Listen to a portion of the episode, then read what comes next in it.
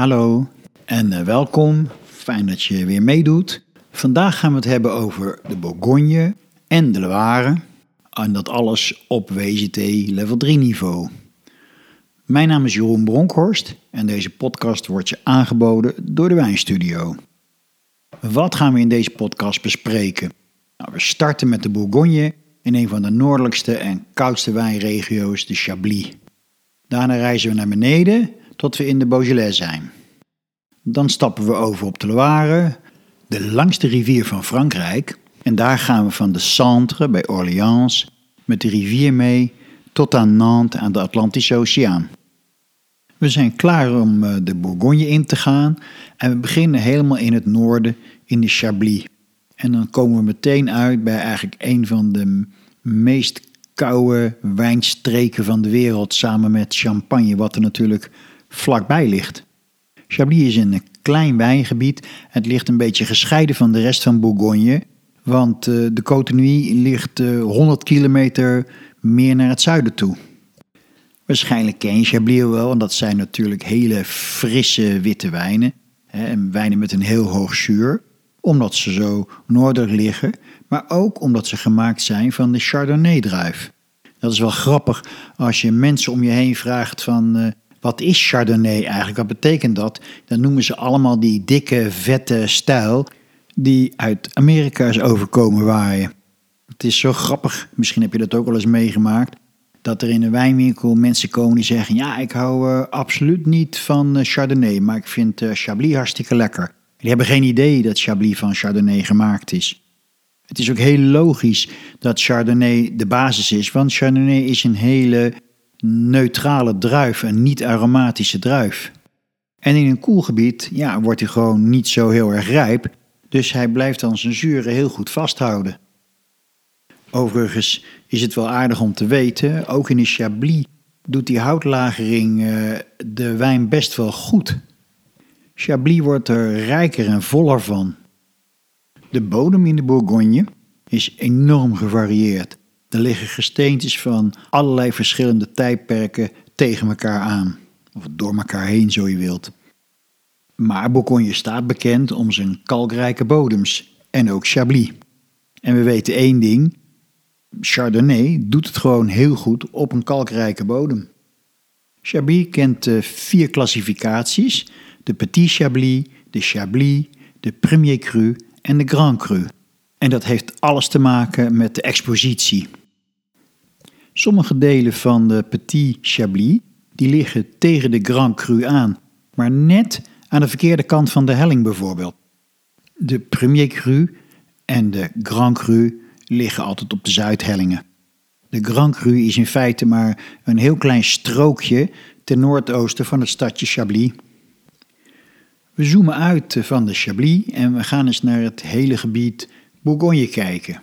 En wat opvalt is dat er in de Bourgogne veel coöperaties eh, zijn. En een coöperatie is een samenwerking van boeren. Maar er zijn ook heel veel handelshuizen in de Bourgogne. En die heten négociants. Dat is voor een wijnboer wel prettig, want uh, zo makkelijk is het niet om je wijn te verkopen. En tenslotte, waar in de Bordeaux een wijnhuis een château heet, heet het in de Bourgogne een domaine. We verlaten de Chablis, we gaan naar het zuiden en we komen uit in de Côte d'Or. Die naam is wel grappig, want uh, er wordt wel eens gezegd Côte d'Or, dat betekent Côte d'Oriental, omdat veel belangrijke wijngaarden op het oosten zijn gericht. Dat zijn de praktische geesten. De meer romantische geesten zeggen nee, Côte d'Or betekent de gouden kust, omdat die bladeren in de herfst zo mooi goudkleurig worden. Maar de hele nuchtere types zeggen nee, Côte d'Or betekent inderdaad de goudkust, omdat er zoveel geld verdiend wordt. De Côte d'Or is een samenvoeging van twee regio's, de Côte Nuit in het noorden en de Côte de Beaune in het zuiden. De Côte Nuit is genoemd naar het plaatsje Nuit Saint-Georges en uh, in de Côte Nuit wordt praktisch alleen maar rode wijn gemaakt van de Pinot Noir. En daaronder, Côte de Beaune is genoemd naar het plaatsje Beaune, overigens verreweg het gezelligste stadje van de hele Bourgogne. Want als je door de Bourgogne rijdt, dan zul je merken, het is mooi, het is pittoresk, het is heel boers eigenlijk. Maar het is ook verschrikkelijk stil. Het is totaal anders dan in de Bordeaux, waar je die prachtige châteaus hebt met die lange oprijlanen. In de Bourgogne rij je gewoon door kleine gehuchtjes en simpele huizen. Alleen moet je je wel realiseren dat achter menige garagedeur een Lamborghini staat. De Côte Nuit is een heel klein maar wereldberoemd gebied. En van noord naar zuid liggen daar Gevrey-Chambertin, Vougeot, Vaune-Romanée en Nuit-Saint-Georges. Het valt je misschien wel op dat uh, plaatsnamen vaak twee namen hebben met een streepje ertussen, zoals Gevrey-Chambertin. Dat wil dan zeggen, het plaatsje Gevrey heeft zichzelf genoemd naar de beroemdste wijngaard, namelijk Le Chambertin. Dat mag, je mag die naam van je beroemdste wijngaard achter je dorpsnaam plakken. En uit deze streek komt de beroemde Romane Conti, een wijn die je als handelaar niet zomaar kunt kopen. Dan moet je op een lijst staan, dat moet je gegund worden. En als je hem dan koopt, zit hij vaak in een kistje met elf andere wijnen van een ook goede, maar toch mindere kwaliteit. En je wordt eigenlijk wel geacht dat hele kistje te kopen. En dat gaat op allocatie, zoals dat heet. Dat wil zeggen, er zijn zoveel kisten te koop. En er wordt dan besloten dat er vier kistjes voor Nederland zijn, zes kistjes voor Duitsland, uh, drie kistjes voor Japan, noem het maar. Ook een hele beroemde wijngaard is de Clos de Vougeot. Een wijngaard van iets meer dan 50 hectare. En Clos betekent er zit een muur omheen. In het midden van die wijngaard staat een prachtig kasteel.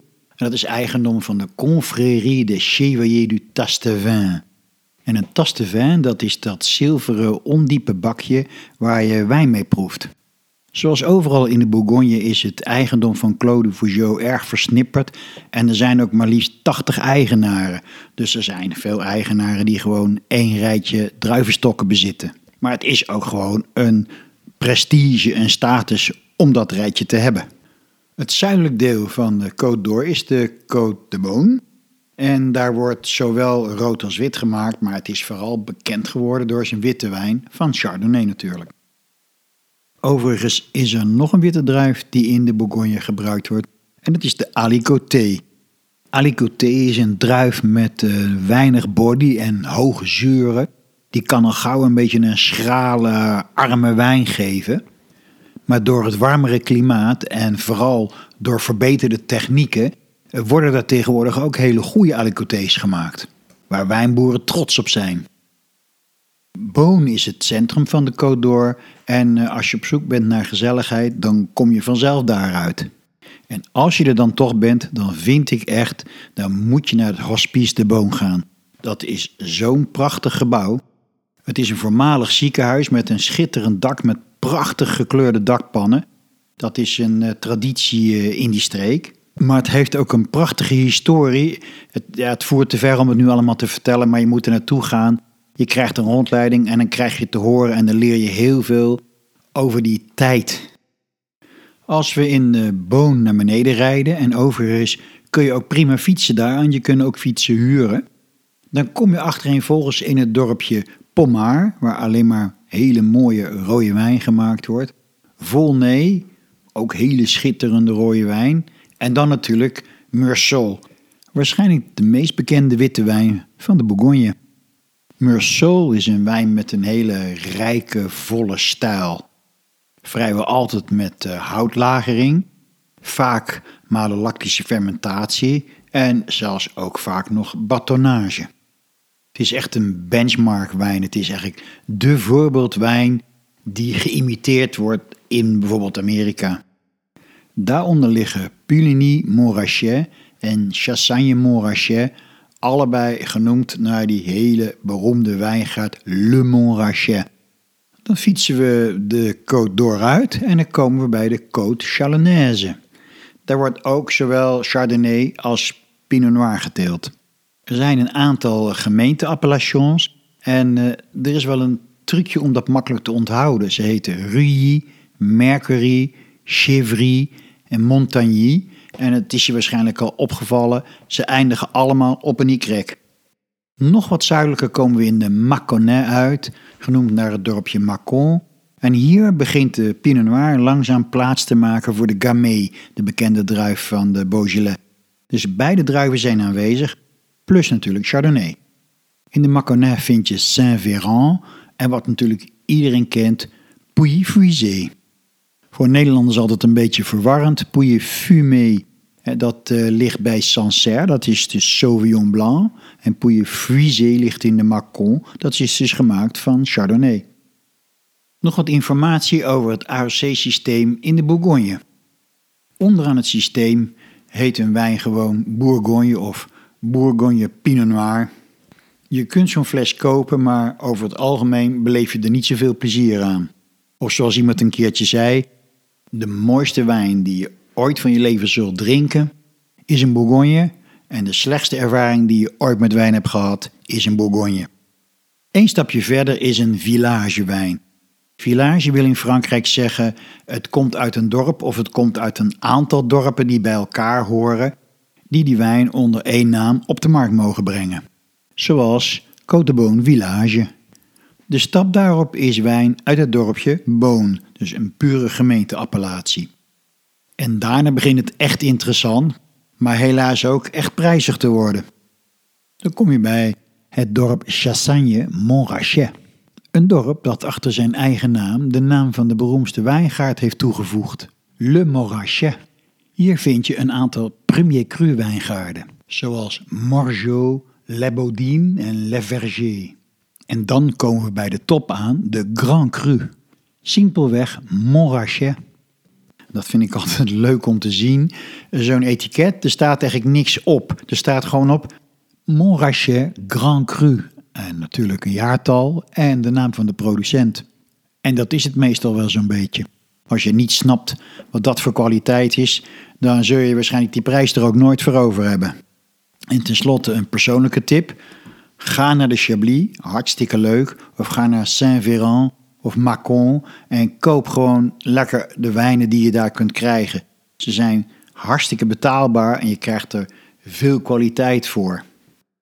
Als je je auto vol stamt met dozen, heb je niet alleen eh, heerlijke wijn om thuis te drinken, maar je hebt ook meteen je benzinegeld terugverdiend. Want in Nederland betaal je een stuk meer. En dan gaat de koelte van de Bourgogne langzaam plaatsmaken voor de warmte van de Beaujolais. In Nederland is het eh, niet erg bekend, maar je kunt de heerlijke, makkelijke Chardonnay van de Beaujolais drinken. Beaujolais is natuurlijk echt bekend van zijn rode wijn. En dan met name de Beaujolais Primeur of de Beaujolais Nouveau. Dat is een enorm slim gemaakte wijn, want je kunt in hele korte tijd veel geld verdienen. Die wijn is namelijk binnen zes weken klaar. En hiervoor wordt de maceration carbonique of de maceration semi-carbonique toegepast. En wat is dat? Maceration carbonique wil zeggen, je stopt de druif die nog heel zijn in een afgesloten vat daar voeg je koolzuur aan toe, dus er ontstaat druk. Door die druk springen die druiven kapot. Uh, maar ze blijven eigenlijk, het vruchtvlees blijft eigenlijk wel in de druif. En de gist die aanwezig is, die begint te werken. Dus in feite vindt er een vergisting plaats binnen in die druif. En dat maakt dat er weinig tannine vrijkomt, maar wel heel veel fruitaroma's. Heel primaire fruitaroma's. Een van die kenmerken van die aroma's is ook dat ze snel weg zijn. Maar dat geeft niet, want die wijn is bedoeld om heel jong te drinken. Je moet dan wel van die aroma's houden. Het geeft een beetje yoghurtaroma, maar het geeft vooral heel erg een snoepjesaroma van kauwgom zou je kunnen zeggen.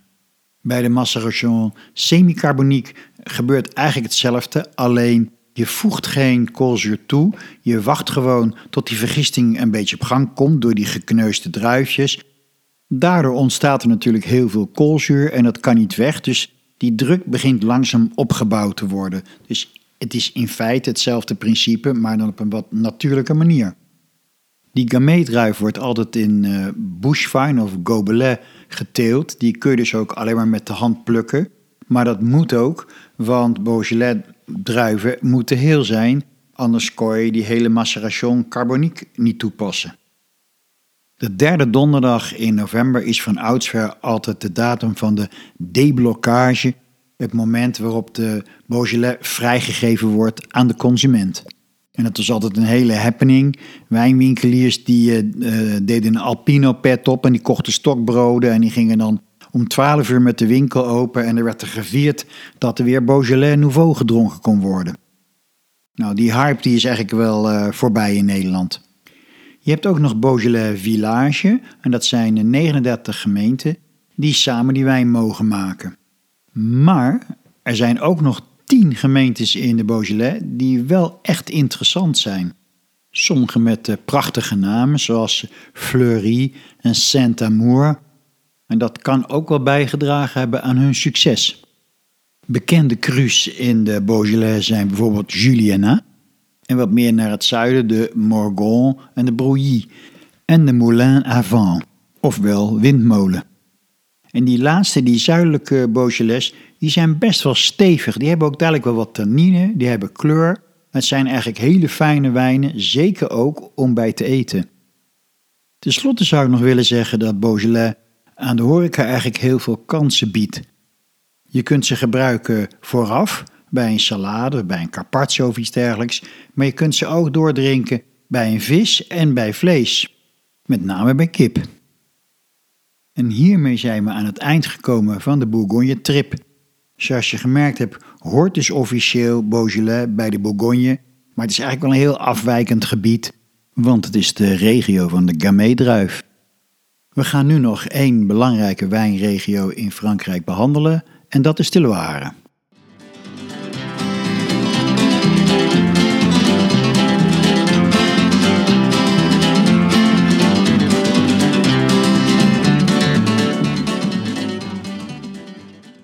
Als we nog een klein stukje verder naar het zuiden doorfietsen, komen we bij Lyon uit, de tweede stad van Frankrijk. Maar daar blijven we niet. We zoeken de Loire op, die ontspringt in de Midi, het hart van Frankrijk. En we gaan naar het noorden richting Parijs, tot we op een gegeven moment aankomen bij een heel beroemd plaatsje, wat wijn betreft, Sancerre. En dat is het begin van het eh, grote wijnfeest, van het grote wijngebied van Loire, wat zich helemaal uitstrekt tot aan de Atlantische Oceaan. Het wijngebied de Loire kun je onderverdelen in vier subgebieden en vanaf de Atlantische Oceaan gezien, richting het oosten, zijn dat Nantes, Anjou, Touraine en Centre. De belangrijkste plaats in Centre is uh, Orléans. En er is een aardig uh, ezelsbruggetje om dat te onthouden. En dat is NATO. Dat staat voor het Engelse woord voor NAVO, North Atlantic Trade Organization. NATO, Nantes, Anjou, Touraine, Orléans. Zo weet je altijd de juiste volgorde. Ik denk dat je inmiddels wel begrijpt dat Nantes een maritiem klimaat heeft, terwijl Orléans een continentaal klimaat heeft. En je zou dan eigenlijk verwachten dat Anjou, wat dichter bij de oceaan ligt, wat koeler is en Touraine wat warmer, maar het is precies omgekeerd. En in dit geval komt dat dus niet door de lucht, maar door de bodem. De wijngaarden van de Anjou zijn wat steniger en daardoor warmer. En die van Touraine zijn kleibodems en daardoor natter en dus koeler. De Loire ligt feitelijk aan de noordelijke grens van waar wijnbouw nog fatsoenlijk mogelijk is. En dat betekent dat eh, de jaren heel belangrijk zijn, het weer in het jaar. Dus ieder oogstjaar is heel verschillend. De ideale locatie heeft een eh, zuidelijke expositie. De wijngaarden zijn vooral in het midden van de helling, want onderaan, ja, daar zakt de kou naartoe. En naarmate je hoger komt, wordt het ook koeler. En de wijngaarden zijn op de rivier gericht, omdat de rivier altijd weer licht weerkaatst. In de Centre ligt het bekende Sancerre en net aan de overkant van het riviertje de Nevers ligt Pouilly-Fumé, twee hele bekende plekken voor wijn. En naast Sancerre ligt ook nog Menetou Salon. Deze streken hebben hun bekendheid natuurlijk helemaal te danken aan de Sauvignon Blanc. Overal in de wereld is Sauvignon Blanc eigenlijk een hele uitgesproken heftige druif, maar in Sancerre en Pouilly-Fumé verstaan ze de kunst om dat te temmen. Het wordt een veel ingetogener stijl. Ze zijn droog met hoge zuren, ze hebben tonen van groene appels en ze kunnen ook naar natte stenen ruiken. En soms wordt van de wijnen van Puy gezegd dat het iets rokerigs heeft. Overigens komt er ook een klein beetje Pinot Noir in voor. En ik zou een lans willen breken voor de rosé van Sancerre. Een fantastische, krachtige rosé. Stroomafwaarts naar het westen toe komen we uit bij Touraine. En daar vinden we zowel Sauvignon Blanc als Chenin Blanc. Een druif met een heel hoog zuur en hele bijzondere aroma's. Hij heeft iets staalachtigs, iets rokerigs. Als hij wat rijker is, dan krijgt hij ook abrikozen. Maar hij heeft ook dat typische luchtje wat wel natte wol genoemd wordt. Ja, een beetje apart, maar het is zo. En het heeft dan ook echt liefhebbers en mensen die het niet lekker vinden. Je zou het een beetje kunnen vergelijken met koriander. Chenin Blanc rijpt verschrikkelijk onregelmatig. Dus in een tros kunnen hele onrijpe en rijpe druiven zitten. Dus je zult vaak een paar keer door de wijngaard heen moeten om te plukken. En die rijpheid bepaalt ook de stijl. De onrijpe druiven worden vooral gebruikt voor de mousserende wijnen. En naarmate de druiven rijper worden, worden ze gebruikt voor droge wijnen of nog rijper voor zoete wijnen. Je kunt van Chenin Blanc echt topkwaliteiten maken. En uh, er zijn wijnen die je tientallen jaren kunt bewaren. Nog wat verder stroomafwaarts komen we uit bij Vouvray. En die wijnen worden in allerlei stijlen gemaakt. Van droog tot heel zoet, maar ook vooral fantastisch mousserend. Soms als pétillant gemaakt, dus licht bruisend, maar meestal gemaakt volgens de methode traditioneel dezelfde methode die uh, in de champagne toegepast wordt. Dus tweede gisting op fles. En dan begint er een stukje met blauwe druiven, maar daar zullen we het zo over hebben. We reizen door naar Savinière in de Anjou. En hier komen een paar fantastische zoete wijnen tegen. De Coteau du Layon, met daarin de Bonnezo en de nog wat zoetere, nog wat vollere, dikkere De En dat zijn werkelijk prachtige botrytis wijnen. En dan komen we bij het eh, kustgebied van Nantes aan. Daar worden de wijnen Muscadet genoemd, gemaakt van een druif die heet Melon Blanc. Je kunt je voorstellen in dat koele, natte kustgebied uh, gaat de druif niet erg rijp worden, gaat ook niet veel aroma's ontwikkelen, want Melon Blanc heeft van zichzelf ook niet zoveel aroma's. Dus je gaat er eigenlijk dingen voor verzinnen om hem meer smaak te geven. En dat heet Muscadet sur lie. Op de gist, in het Engels wordt dat on the lees genoemd. Je bewaart de wijn een tijd lang op de dode gist en die gaat een werking aan met de wijn. Dat geeft smaak af. Eigenlijk precies hetzelfde principe als in de champagne. We kijken ook nog even naar de rode wijnen. Die vinden we in de Touraine, in de gebieden Chinon en Bourgueil. Ze worden gemaakt van de Cabernet Franc en dat is een druif die je daar goed doet omdat hij vroeg rijpt. En zoals je dat vaak ziet bij wijn, worden op de zandgronden de wat lichtere stijlen gemaakt, terwijl je op de kalkstenen en kleibodems de zwaardere types tegenkomt, met ook wat meer tannine.